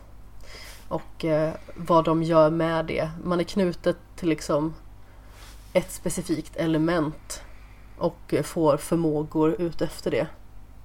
Och de här eh, sju blir väldigt snabbt eh, både sex och eh, fem personer eh, i ja, den här cirkeln då. Så de förlorar några ganska så tidigt. Eh, just för att det är onda demoner som har tagit sig in i världen och eh, de får det att se ut som att de här personerna tar livet av sig. Så det är ju det som världen ser utåt, att det liksom eh, i mångt och mycket har blivit någon form av självmordspakt i Engelsfors. Okay. så det är det som är lite grund, alltså det är lite där det, det startar? Alltså själva plotten liksom? Ja men precis, det startar väldigt mycket med de här demonerna och att eh, de här ungdomarna ska bli starkare i sina krafter för att kunna slå tillbaka helt enkelt. Eh, sedan så har jag även tagit mig an den andra boken som heter Eld. Mhm. Och sedan så är jag inne på den tredje boken som då heter Nyckeln. Och den andra boken handlar väldigt mycket om i mångt och mycket att det, det finns en, en förening som heter Positiva Engelsfors då. Som är en sån här välj lycka-förening i stort sett. Okej. Där alla ska vara glada och eh, ist- istället för att kanske bearbeta problem eh, liksom se att ja, men, det finns en positiv väg helt enkelt. Så, Eh, och att eh, personer drabbas av negativa saker för att de är negativa och, och dylikt. så det är lite som en blandning med så lär, lär känna dig själv-bok och eh, Twilight. ja, men det här positiva Engelsfors det är ju det är en liten ond faktor i det hela. Ja, okej. I synnerhet i och med att det finns eh, personer som eh, folk tror då har begått självmord. Men jag tror att eh, till en början ska väl egentligen den föreningen eh, vara någonting som men, stöttar sådana som har det svårt. Men eh, så blir det väldigt mycket den här ja, men, välj lycka, carpe diem grejen. Eh, Så de, istället. den föreningen lurar in människor med hjälp Ja, av det här. precis. Lär, ja, tycka om dig själv-grejen och sen händer, händer grejer. Ja, nej men exakt. Och sen i, i den här tredje boken som jag är inne på nu eh, så är det väldigt mycket fokus på att ja, men, vi har ju de utvalda. Men eh, de eh, liksom får lite konkurrens av så här personligt utvalda från någonting som heter rådet då. För naturligtvis så finns det ju i en, en eh, trollkarlsvärld så finns det ju ett råd Såklart. som avgör liksom vad som är rätt och fel precis som att i Harry Potter så finns det liksom eh, trollkarlsministeriet i stort sett. Ja. Precis. Men är det, är det en trilogi eller är det fler böcker än detta? Ja, det är en trilogi. Okej. Så jag är på sluttampen av eh, den här bokserien och jag tycker om den väldigt mycket faktiskt. Det känns som att man har tagit de här två författarna och eh, tagit ut det, det bästa ur dem. För jag vet att alltså, när jag har läst enskilda böcker av respektive författare så känns det som att ja, men det är bra böcker men att det kanske är någon liten udd som saknas. Men det känns som att de kompletterar varandra väldigt väl i den här trilogin och jag tycker att de har byggt upp universet väldigt bra. Okej. De, har- de har tagit varandras russin i kakan. Ja, Så, ja precis. Satt ihop russinen kanske. precis. Jag vet inte. Och så fick de små babyrussin. Ja. Nej men... Jag vet inte, det är ganska svårt att säga. I och med att det är den tredje och sista boken jag är inne på nu så det är svårt att säga någonting utan att spoila för mycket. Men det är en eh, trilogi jag kan rekommendera. Och framförallt om man gillar fantasy. Och eh, Är det mycket... svensk fantasy kanske inte växer på träd just så. Nej, nej, det är mycket... Vad är... Om fantasy är, vad ska man säga, det, det, är- det är världen som det kretsar i så att säga. Vad är det mer som... Är det thriller-aktigt eller är det fokuserat på relationer? Eller är det humoristiskt? Eller är det något så här? Eller är det... Det är mer alltså, relationer skulle jag nog säga. För det utspelar sig i, i en gymnasiemiljö. Ah, Okej. Så det är liksom eh, de här ungdomarna går första året på gymnasiet när de får veta att de har krafter. Mm, Okej. Så det är Och sedan så är det liksom varje år eh, i gymnasiet i stort sett. Som eh, varje bok representerar då. Okej, lite Harry Potter-tänk där då. Ja, men nästan. Just på den, på den biten. Så. Ja, exakt. Jag tycker att de har gjort ett väldigt bra jobb med att få in hela liksom den här fantastiska biten i eh, liksom en, en småstad i, i Dalarna. Liksom. Det fungerar väldigt väl. Ja. Och jag tycker att karaktärerna de känns väldigt levande Okej. Blandas, och det, relaterbara. blandas det in, eh, vad ska man säga, mugglare också i uh, historien? Eller kretsar ja, absolut. Okej, okay. det är inte allting som kretsar kring uh, magin utan de här ungdomarna de har även sina... Går man in på deras vanliga privatliv och sådär också någonting? Ja. Så trassliga relationer hemma och... Ja, men man utgår ju liksom från att hela omgivningen egentligen är omagisk. Även att Engelsfors liksom är ett ställe som har en väldigt stark anknytning till magi då, får man veta. Ehm, så de här får ju liksom gå och hålla sina krafter hemliga hela tiden. Mm. I och med att alla runt omkring sig tror de ju är eh, icke-magiska i stort sett. Mm. Så de måste ju mötas upp på specifika platser själva och öva för att kunna få lite förhöjda krafter och då mm. har de ju till viss hjälp har de en som är vaktmästare på skolan då som eh, också är en, en magiker. Är det Finch? ja, han är lite snällare ah, okay. skulle man kunna säga. Mm. Det är en lite, lite mer mild karaktär ja. och lite mer hemlig. Eh, och sen så har vi eh, hon som då är rektor på skolan. Hon har tagit sig dit för att hon har hört legenden om de utvalda som då ska finnas på det här stället. Ah, okej. Okay. okay. Och de här utvalda ska ju då liksom fylla funktionen att stoppa apokalypsen som då startas av demonerna. Ja, spännande. Men det låter som om man just gillar uh, fantasy och, eh, och jag menar Harry Potter och den typen. Det är ju någonting som jag själv har läst. Även om jag inte läst alla böckerna. Så är det böcker som jag tycker väldigt mycket om. Eller jag tyckte väldigt mycket om dem i min ungdom i alla fall. Ja, jag är ju ett stort Harry Potter-fan. Jag tycker ju otroligt mycket om eh, både böckerna och filmerna men alltså framförallt böckerna naturligtvis. Mm. Men jag har även lyssnat på böckerna i efterhand. Och eh, så jag kan tänka... Det är liksom en, en serie som jag vill konsumera om och om igen. Ja. Jag har också en eh, väninna här i stan. Hon är också här helt uppslukad av eh, Harry Potter. Och har läst allting och uh, lyssnat på det om och om och om igen. Det är så här, när hon går och lägger sig. Eller så här, har svårt att somna. Ja, men jag sätter på lite Harry Potter. Det är tryggt. Ja, men det känns som en trygghet. Ja. Absolut. Men jag ska inte bli långrandig om Engelsfors-trilogin. Jag, jag tänker jag ska gå vidare till eh, det sista också. Jag har sett en serie som heter Seven Seconds. Och okay. det handlar helt enkelt om eh, en eh, polis som på vägen till jobbet kör på en mörkhyad ungdom i ett ganska utsatt område i New Jersey. Okej. Okay. Och eh, han får ju panik och han hör av sig till sina kollegor och de undrar liksom vad de ska göra för någonting. För att, eh, ja, som sagt, den här ungdomen ligger liksom i, i diket och håller på att dö. Och eh, de beställer, bestämmer sig för att mörka allting bara för att de vill liksom inte få någon form av eh, raskrig i, ja. i den här delen då. Ja, Så eh, de lämnar platsen och eh, lämnar därmed den här ungdomen till sitt öde.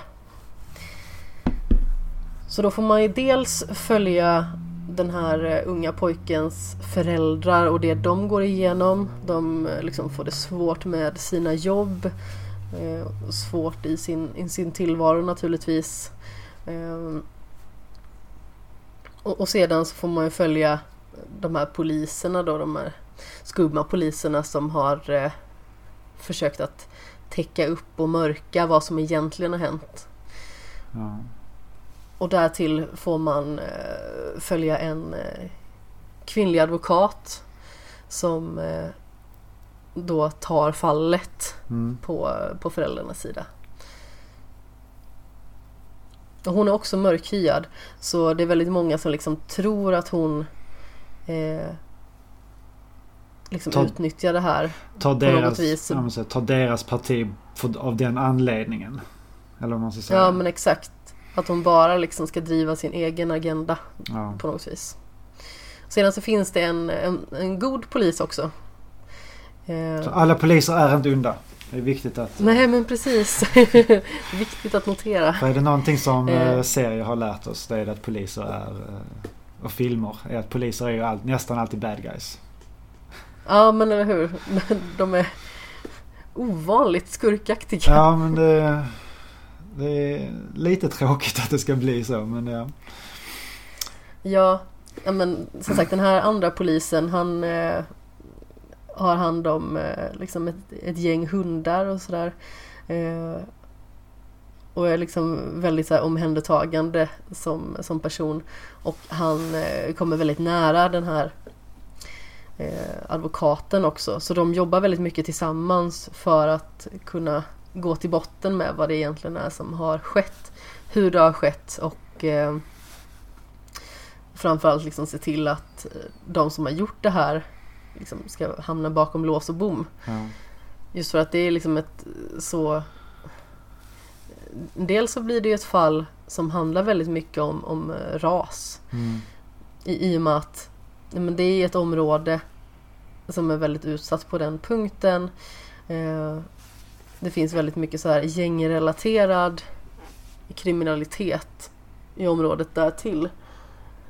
Så det dras väldigt mycket in kring det också liksom att ja men bara för att den här killen då var på den här platsen så måste han liksom garanterat vara med i ett gäng. Och att han eh, liksom har mycket skumheter för sig bara för att han blev tagen en gång med två stycken liksom joints. Ja okej. Okay. Ja. Jag menar det är fortfarande ett barn som, som vi pratar om. Så eh, den mörka sidan om man säger så försöker hela tiden eh, svartmåla den här ungdomen som trots allt faktiskt blev lämnad i diket och dog när han liksom cyklade till skolan. Mm. Och den andra sidan försöker liksom få fram det här att eh, det här kan vara liksom ett hatbrott. Och eh, att de gjorde liksom ett aktivt val när de lämnade honom där. Hade de inte lämnat honom där hade han kunnat överleva. Just för att de lämnade honom också i ett, ett väldigt kallt klimat. Eh, så de, de lämnar ju honom för att han ska dö. I princip. Ja. Och hur är det? Dör Precis. Eh, personen? Eller det... Ja, det ja. gör han. Mm. Ja. Ja men så den, den var väldigt bra faktiskt. Jag tyckte om hur den... Uh... Och den finns på eh, Netflix eller? Ja, det stämmer bra. Ja. Och det... Jag tycker om hur den liksom svetsade samman. Och framförallt att de liksom gjorde hela den här grejen att, att det finns liksom ingen karaktär som är så speciellt perfekt på något vis. Utan alla har liksom sina problem. Ja men det är ingen som är enbart ond eller enbart god. Eller vad man ska säga. Ja men det känns väldigt nyanserat. Ja. Och det gillar jag. Ja men det, det känns ju mer äkta då. Det blir... Ja. Och det... Ja men det låter spännande. Och det, just att mm. det, är, det, är ett fall som det kretsar kring runt en säsong då. Ja. Jag tror inte det ska bli fler säsonger. Det kanske jag inte har kollat upp jättenoggrant förvisso men jag tycker det är skönt liksom när man har en, en specifik händelse och så fokuserar man hårt på den och, och så liksom ja, men det, det är ungefär som eh, har du sett uh, Unbelievable som också finns på Netflix? Nej, det har jag inte gjort. Jag tror vi har pratat om, om den tidigare i podden också. Men lite snabbt så handlar det liksom om en serie sexuella övergrepp. då våldtäkt i hemmet. Ja, en man okay. som bryter sig in och gör illa kvinnor ja. helt enkelt. Eh, och då är det liksom ett väldigt expanderande fall och fokuset ligger liksom på det här. Så det blir liksom inte så här eh, kriminalfallet den här veckan är X och nästa vecka så är det Y. Uh. Utan man får liksom följa det mer djupgående. Och då blir det också en mycket mer intrikat berättelse än typ CSI New Yorks avsnitt som känns som att ja men nu har vi gjort den här typen av avsnitt tre gånger. Det finns alltid det här i, i varje säsong ungefär. Ja men precis. Eller om det är en långfilm som ska vara en kriminalfilm då. Att man har ett fall och så är så, det är så stor del av filmen där eh, man ska få reda på vad som har hänt och sen är det sista tio minuterna så får man reda på allting. Det är så mm. skönt med en serie där man kan få reda på olika saker i olika avsnitt och man kan gå in djupare, mer karaktärs, få mer karaktärsutveckling både på ja, utredare men även få mer kött på benen vad det gäller alla andra personer. Så. Ja, och jag, jag gillar ju kriminalare och jag gillar ju mysterium så jag tycker mm. att det fungerar väldigt bra i serieform just. Ja men verkligen. För att det får ta sin tid. Jag menar en utredning går ju inte så himla fort. Nej. Så, så just därför så kan det bli väldigt rumphugget när man försöker att klämma in allting i en film eller när man försöker klämma in allt liksom På 45 minuter. i ett avsnitt för all del. Ja, precis. Så jag gillar när det blir mer, mer djupgående på det viset. Det låter... Och man får lära känna karaktärerna på ett helt annat sätt. Ja men det, det låter intressant. Och det får, mm. får kolla närmare på. Och just det är väldigt, väldigt lockande just det här med att det bara är en enda säsong. Som allting kretsar ja. kring. Det finns så mycket serier som går i sina långkörare och gör det så onödigt länge.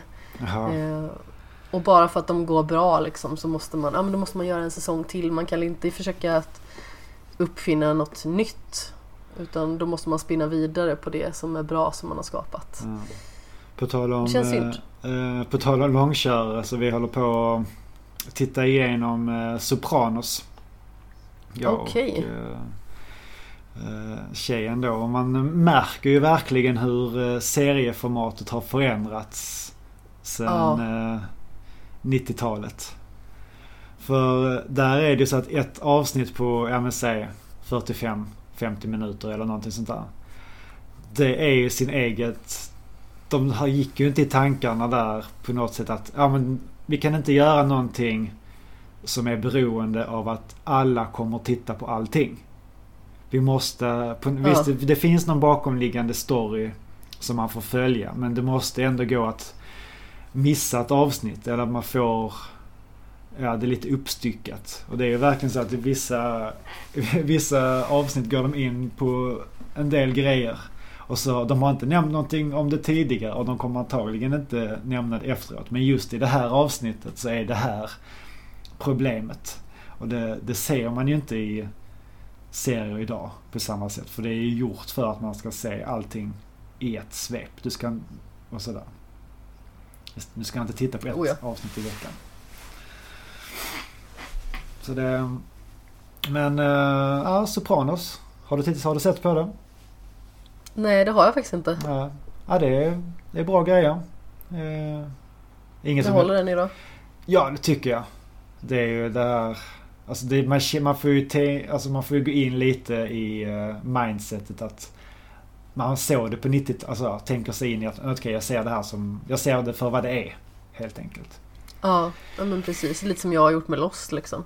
Ja men precis. Och uh, ja men det tycker jag håller bra.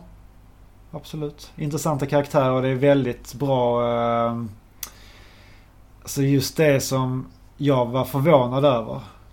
Jag tänkte ju med att ah, men det, det är som att titta på Godfather fast uh, en serie. Ja. Men att det är ändå så här det mer modernare typen om man säger trots att det är 90-tal. Men den modernare typen av maffia. Och att han, mafia, maf ja. en av ledarna där, han som det kretsar kring. Han, det, det första man får se i första avsnittet är att han går till en vanlig eh, psykolog. Och så är det liksom ja. det, det samtalet som han har med ja, psykologen även om hon vet vad han sysslar med. För att alla vet vem ja, Tony Soprano är. Ja. Men de kan inte prata om det. För att då, för om han berättar kriminella handlingar eller sådana grejer så blir hon ju skyldig att anmäla det. Ja. Men eh, han, ja, hur han lindar in saker som man sen får följa parallellt i avsnittet. Och hur de eh, tar upp det från ett psykologiskt perspektiv. Ja, men det har de gjort väldigt snyggt. Och, Vad roligt. Ja, ja men den är... Och ja, Sofia har varit på mig länge att måste se Sopranos. Det är bästa serien någonsin. Okej. Okay. så vi, vi är inne i andra säsongen nu. Men det är så här, första säsongen är 24 avsnitt och det är en timmes avsnitt. Ja. Så det blir ju... Det är helt mycket. galet. Ja, det är så mycket. Eh, som sagt. Det är samma sak, eh, precis som jag sa, Lost. Det är också det är långa avsnitt. Ja. Och det är många avsnitt. Ja, gud ja.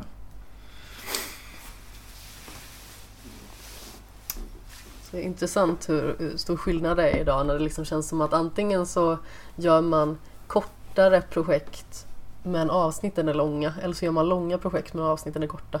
Ja. Är du kvar? Jag är kvar. Ja, vad bra. Du blev så tyst så länge. Jag trodde att du hade ja, jag, jag, Nej, jag tänkte att du skulle att vi var färdiga med det och, och vi ska ju gå in på det sista som vi då faktiskt har om vi nu ska prata om det. Lite gemensamt ja. tittat på. Precis. Ja, vi har ju eh, sett en till serie och det är ju eh, Swamp Thing.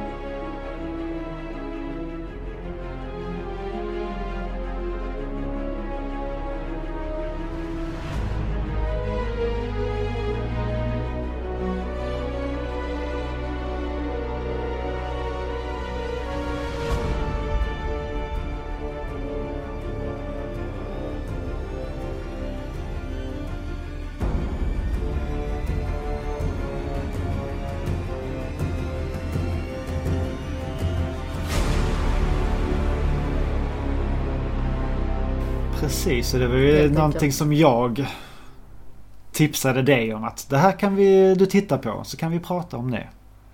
det... Ja, och det var ett väldigt bra tips måste jag säga. Vad kul att du tycker det. Jag är lite besviken över att jag bara kommit halvvägs. men eh, titta på, du tittar på den själv? Eller det... Ja, nej men exakt. Ja. Är det läskigt att titta på den själv? Lite ibland måste jag faktiskt säga. Den är väldigt mörk. Men, eh, är det ju. Ja, absolut. Men hur... Jag eh, hoppas att jag är klar med den eh, snart så att jag får veta vad det är som händer. Ja, ja men precis. Det är ju... Det känns så här, vad ska man säga? Hur, hur eh, presenterar man den här serien då? För jag, jag, ja. hade, jag, jag kände ju inte till den här delen av DC. Innan. Precis. Träskmannen tror jag att han heter på svenska. Ja. Ja, det, ja, det låter ju rimligt. Ja. Det är ju mer logiskt ja, på något sätt än Läderlappen. Ja, nej men absolut. Men det handlar ju i mångt och mycket om en liten småstad som heter Murray. Precis. Där eh, en ung vetenskapskvinna som eh, heter Abby. Dr. Abby Arcane Precis. Och hon, hon är... återvänder för att det händer mystiska saker i hennes hemstad. Precis, och hon är ju eh, expert i eh, vad är det, epidemier. Eller ja. något liknande. För det första man får se henne är att hon är väl någonstans i eh, ja, Sydamerika eller Afrika. Eller någonstans. Och de har precis löst ett epidemifall eller vad man ska kalla det. Det var väl lite så att, ja men då fixar vi färdigt det sista. Tar av sig handskarna. Och sen eh, blir, får ett nytt uppdrag. Och så visar det sig då att hon ska åka tillbaks till Murray. Som är hennes hemstad som hon då har flytt ifrån. Och den här ja. staden är ju mångt och mycket uppbyggd runt ett träsk. Där de får, ja de har väl mycket av sina naturtillgångar och mycket av sin inkomst. Verkar det som. Från det här träsket. Jag vet inte riktigt hur hur det funkar med det men det verkar som att det finns någon form av hatkärlek till den här platsen då. Ja, men jag kan tänka mig att det blir så väldigt mycket i en sån här liten stad. För det finns ju oftast saker som definierar småstäder. Alltså att det kanske ja. typ är ett sågverk eller jag vet inte. Ja, det är som gruvan i Kiruna till exempel. Nej men precis. Så det blir väldigt definierande för staden så det är någonting som är väldigt viktigt för de som bor där. Samtidigt som det liksom kan vara ett ok. Ja. På det sättet också. Och det man sen... Ja, för det, det är väl att det är väl folk som börjar bli sjuka på ett väldigt märkligt sätt. Folk eh, blir grönaktiga och börjar kräkas upp typ löv. Och... Ja men precis, löv och pinnar och skit. Ja. Och där finns ju även en annan eh, forskare i staden som jobbar åt eh, han, eh, vad är det, borgmästaren. Är det väl? Ja men precis, Avery Sunderland. klassisk skurkaktig typ. Ah, jo, men, men, som också visar sig eh, vara eh, Abbys eh, styvpappa då. För att eh, hon blir intagen hos eh, honom, hans fru och eh, deras dotter då när hon var liten. Så de har i stort sett växt upp som systrar. Och man får ju veta ganska så tidigt då att eh, dottern eh, Shana där mm. har också avlidit precis innan de liksom ska eh, ta, ta sin examen. Examen, ja. Ja men exakt. Precis. Och då får Så det ju... finns liksom ett mörker där. Precis. Och det är väl lite det att där får uh, hon lite skulden. För det som har ja. hänt. Men, uh, Så som det oftast blir i den här typen av serier känns det som att ja, men, saker som händer det är naturligtvis då den, den personens fel. Ja. Ja men precis. Och sen... Sen är det inte så konstigt att man känner skuld om någonting illasinnat händer. Nej precis. Och det är väl lite det att om man var i, i närheten när någonting hände. Och man, just att man känner att oh, jag, jag kunde gjort någonting eller jag kunde gjort mer. Ja, I eh, precis. situationen. Att man skuldbelägger sig själv. Och på något sätt kanske förstår uh, att ja, hennes föräldrar då lägger skulden på henne. Ja. Men det, eh, det är... ju egentligen det skeendet som gör att hon flyr därifrån. Ja men det, det känns väl som att det är det va? Att hon vill bara lägga det, lägga det bakom sig. Ja. Hakuna Matata style. Ja men precis.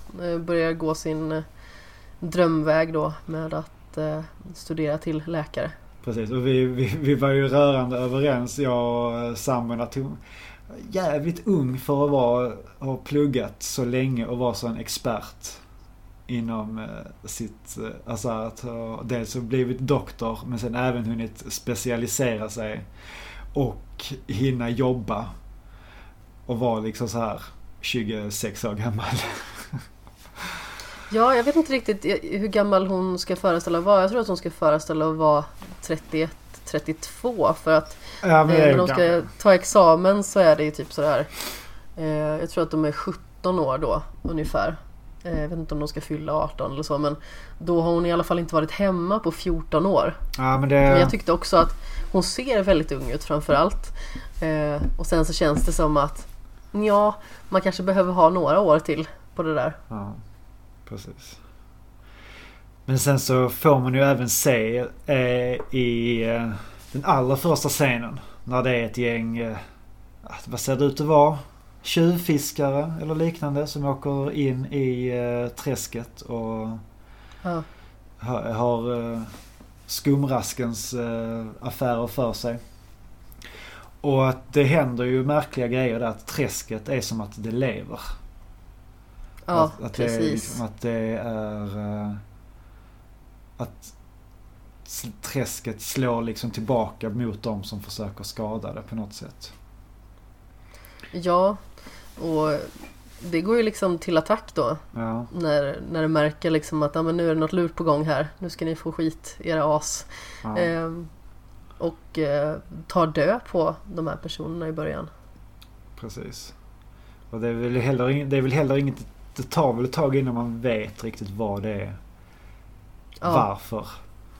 Eh, det gör som det gör. Nu har inte du, nu har inte du sett klart det här. Så det är Nej. lite svårt för mig att... ehm, Nej men det, det gör ingenting om du råkar spoila någonting. Jag är Nej. inte så jättekänslig av mig. Nej, det tror inte jag heller. Men sen så finns det ju en... eh, Den andra, vad ska man säga, huvudpersonen i det här. Är ju eh, Ja. han eh, Dr. Holland. Som Mm, leder precis. liksom ett forskningsprojekt i träsket. Där han ska försöka hitta roten till detta. Och han är ju någonting på spåren. Han har ju liksom på något sätt listat ut. Han vet på något sätt vad. Eller han vet varför typ träsket gör som det gör. Men han vet inte vad det är som Ja. ligger bakom det. Ja men exakt. Eh, och de stöter ju på varandra och eh, beslutar sig för att samarbeta helt enkelt. Mm. Och Och jag tycker att... tycke uppstår märks det ju liksom. Ja men precis. Och han är ju en, jag tycker han är väldigt energisk men väldigt charmig karaktär. Tycker jag. Absolut. Jag tycker de har väldigt bra jargong redan från början. Det Ja. känns som att de De kommer in i sina liksom så här personligheter och sin vänskap väldigt, väldigt kvickt. Utan att det ändå blir så här påträngande. För ibland så kan jag tycka liksom att det känns som att ja, men det måste skohornas in för att det måste etableras liksom att, att de blir eh, kompisar eller sådär. Ja men precis. Eller kommer varandra nära. Ja. Men eh, den här snubben i alla fall, Alec då, han ska ju bege sig ut i, eh, i forskningssyfte ganska så sent och kolla vad det liksom är som sker i träsket och då blir han beskjuten Ja. och hans eh, båt sprängs. Sedan så faller han ner i träsket. ja. Och det, detta är ju i, ja, men det i slutet av första avsnittet och det blev liksom att... För det är ju, det är ju som att... Det känns som att på något sätt träsket räddar honom där. Ja, Att han... eh, Att det här eh, märkliga som händer i eh, träsket, att det liksom åker in i honom. Och på så sätt... ja men det är som att de vet att han liksom är en, en god person på något vis. För att träsket tar ju liksom inte koll på honom utan det låter liksom honom bli en del av träsket. Ja, precis.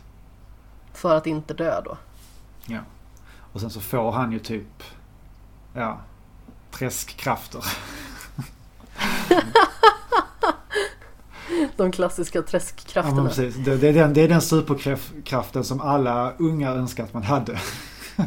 Ja men exakt. Få lite så här Killer Croc-vibbar av honom nästan. Ja. Eh, Jo, men lite När man ser honom. Ja. Men det är det som fick mig att verkligen uh, gå igång på den här serien innan jag såg den. Det var ju det att, ja men den är bara en säsong.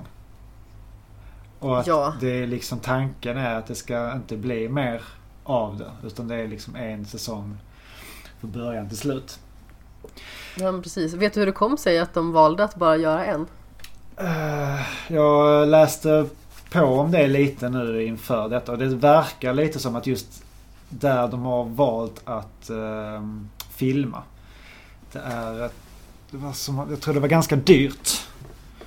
Att få, va, Okej. få vara där. Och att från början var det nog eh, tänkt att det skulle bli mer. Men det, ja, det var precis som att de fick inte in... Det kostade för mycket och de fick inte in tillräckligt med pengar. Och det är precis för oss någonsin att de fick reda på detta halvvägs in ungefär. Ah, Och det gjorde att de även kortade ner det från 12 avsnitt till 10 så det skulle varit lite fler eh, avsnitt igen. Eller två avsnitt till då. Och ja, det, precis. när man har sett hela det är ganska många saker som man tycker att det inte... Det är lite lösa trådar när det väl är okay. slut. Men eh, för min del så tycker inte jag det gör någonting. Eh, det, Nej, det, så länge det liksom inte känns onaturligt. För ibland kan det vara så här, bara det här borde man verkligen fått veta. Vad är det här för fånerier? Men eh, ibland så tycker jag ju att det är jätteskönt när det är saker man inte får veta. Ja. Eh, för då, dels får man ju lite grann fantisera ihop själv. Alltså, vad är det som kan ha hänt? Jag gillar ju mysteriet som sagt. Ja. Men... Jag får, får se vad du tycker när du är uh, färdig med det. Ja. Om det är någonting som uh, man bara så här, när man har sett sista så bara man bara flip the table och bara vad, vad är det som händer? Varför blev det så här? Varför får jag inte reda på detta? Men uh, just, alltså just produktionsvärdet och hur den är gjord och allting tycker jag är, är en kanon. Jag, jag, ja, jag gillar precis. den. Och att den är, den är lite så här läskig, lite spooky. Och han är ju väldigt välgjord. Det här uh, träsktrollet. Ja, precis. Shrek 2. ja, men precis. Nej, men eller ja, det är nästan Shrek 1 kanske för han är väl från 70-talet tror jag från början. Uh, Träskmannen eller ja. Swamp Thing. Eh, det ska bli intressant också för mig att se ännu mer hur deras relation utvecklas, alltså just Alec och eh, Abby. Ja. För att enligt serietidningen så gifter de ju sig vill jag minnas. Jaha, okej, okay. du har eh, läst på lite? Eller ja, jag eh, försökte att eh, kika upp lite granna. Eh. Sen så är det ju lättare att bearbeta saker liksom surrealistiskt i en, i en serietidning på något vis. När man kan illustrera saker på ett helt annat sätt. Eh, jag, jag vill ju helst... Och när det liksom... Jag vill ju helst inte spoila detta men alltså det är ju egentligen sista avsnittet det är ju egentligen ett, uh, bara ett uh, träskbröllop. Allt Jaså? Herregud. Ja. ja, nej men alltså. Eh, det ska, bli, det ska bli intressant att se hur, hur de gör det. För att eh, i och med att det liksom är någonting som, som man liksom inte är van vid att se i och med att det är en karaktär som är liksom så pass övernaturlig och sedan så är det liksom en helt vanlig människa. Mm. Och att de fortfarande liksom ska eh, samspela. Jag tänker mig att det kan bli lite eh, The Shape of Water-grejen. Ja, just det. Tyckte jag att det var en väldigt bra film. Jag tyckte om den jättemycket. Ja, den står på listan. Mm, jag, re jag rekommenderar den varmt faktiskt. Alltså just ja, nu, glöm, relationen glöm, i den filmen är fin. Ja, jag hade glömt bort den lite. Men den får jag verkligen ta och kolla upp nu. Blir kanske till helgen. Ja men det känns som att den var väldigt mycket i ropet när den precis kom och sedan mm. så försvann den fortare verkligen. än kvickt.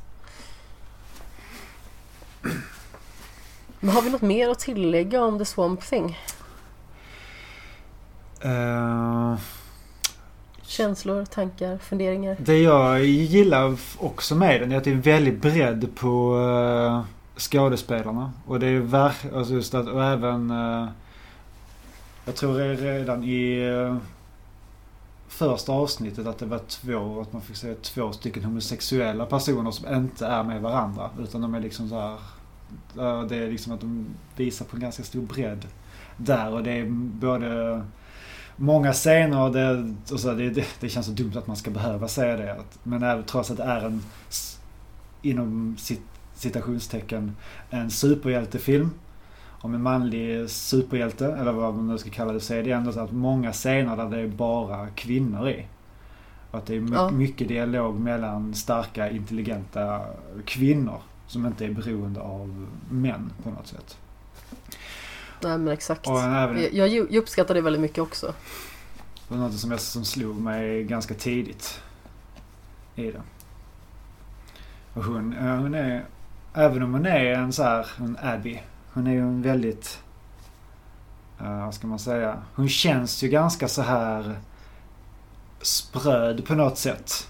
Hon visar ju liksom ja. rädsla och så men hon tar liksom inte ett steg tillbaks från det. Hon... Uh, jag gillar henne. Uh, Nej, hon gör sig ju inte till ett offer. Nej, verkligen inte. Och det är, man, trots det så ser man ändå mycket rädsla i henne från det här, för det här okända.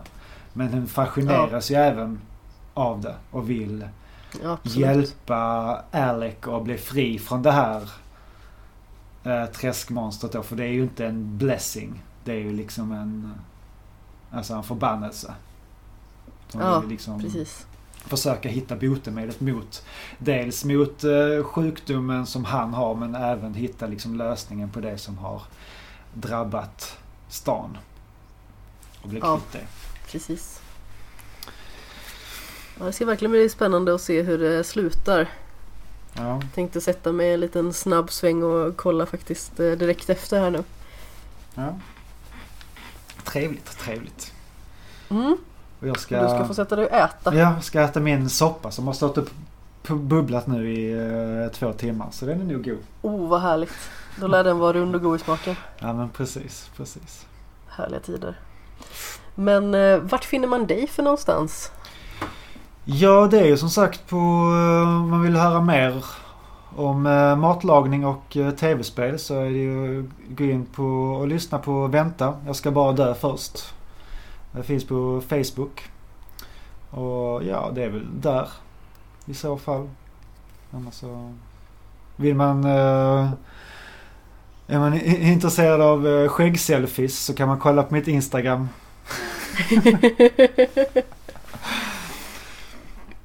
uh, Iron Manne i så fall. Men det är... Ja. Det är, det är vad det är. Det är lite från livet och sådär men inget som har med eh, tv-spel och sånt att göra. På det sättet. Ja, men precis. Och eh, skämshögen hittar man i sedvanlig ordning på snabbla skamshogen på Twitter och Instagram. Finns på, eh, på Facebook. Facebook. och där face, face, face, face, Instagram. Ja, exakt. Jag vet inte hur min hjärna fungerar idag. Jag sov typ till tio i sex och vi började spela in klockan sex. Jag tog en liten eftermiddagslur. Skönt. Skönt. Så jag kände mig lite väck i bollen. Mm. Det var dags att börja faktiskt använda sina ord igen. Ja. Jag gör ju inte det så mycket om dagarna i och med att jag jobbar väldigt mycket för mig själv. Ja, okay. mm. Nej men som sagt, eh, vi får ju höras eh, snart igen tycker jag. Ja, absolut. Kan ju bara försöka hitta någonting och vara lite mer synk.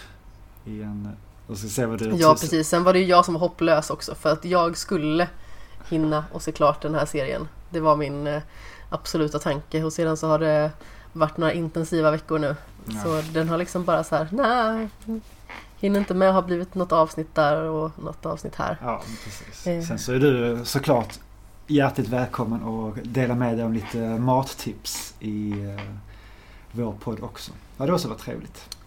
Och vi ska ja, det hade varit superkul. Och vi ska få spela in ett uh, litet julspecial nu med uh, Anna från uh, Svampriket. Ah, det är ju ultimat. Ja, det har vi en riktig tomtemor. ja, men precis. Som är intresserad av spel där till så det ja, blir ju perfekt. Precis, det kan bli kanske lista av bästa julkalendern. Om vi har en disk diskussion om det, se vad vi tycker och kommer fram ja. till. Och så mycket, mycket julmat såklart. ja.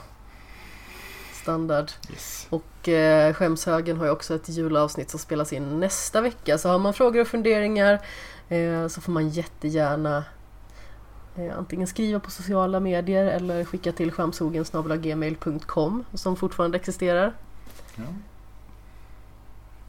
Men jag får tacka dig så jättemycket för att du kom Manne. Mm, tack så hemskt mycket.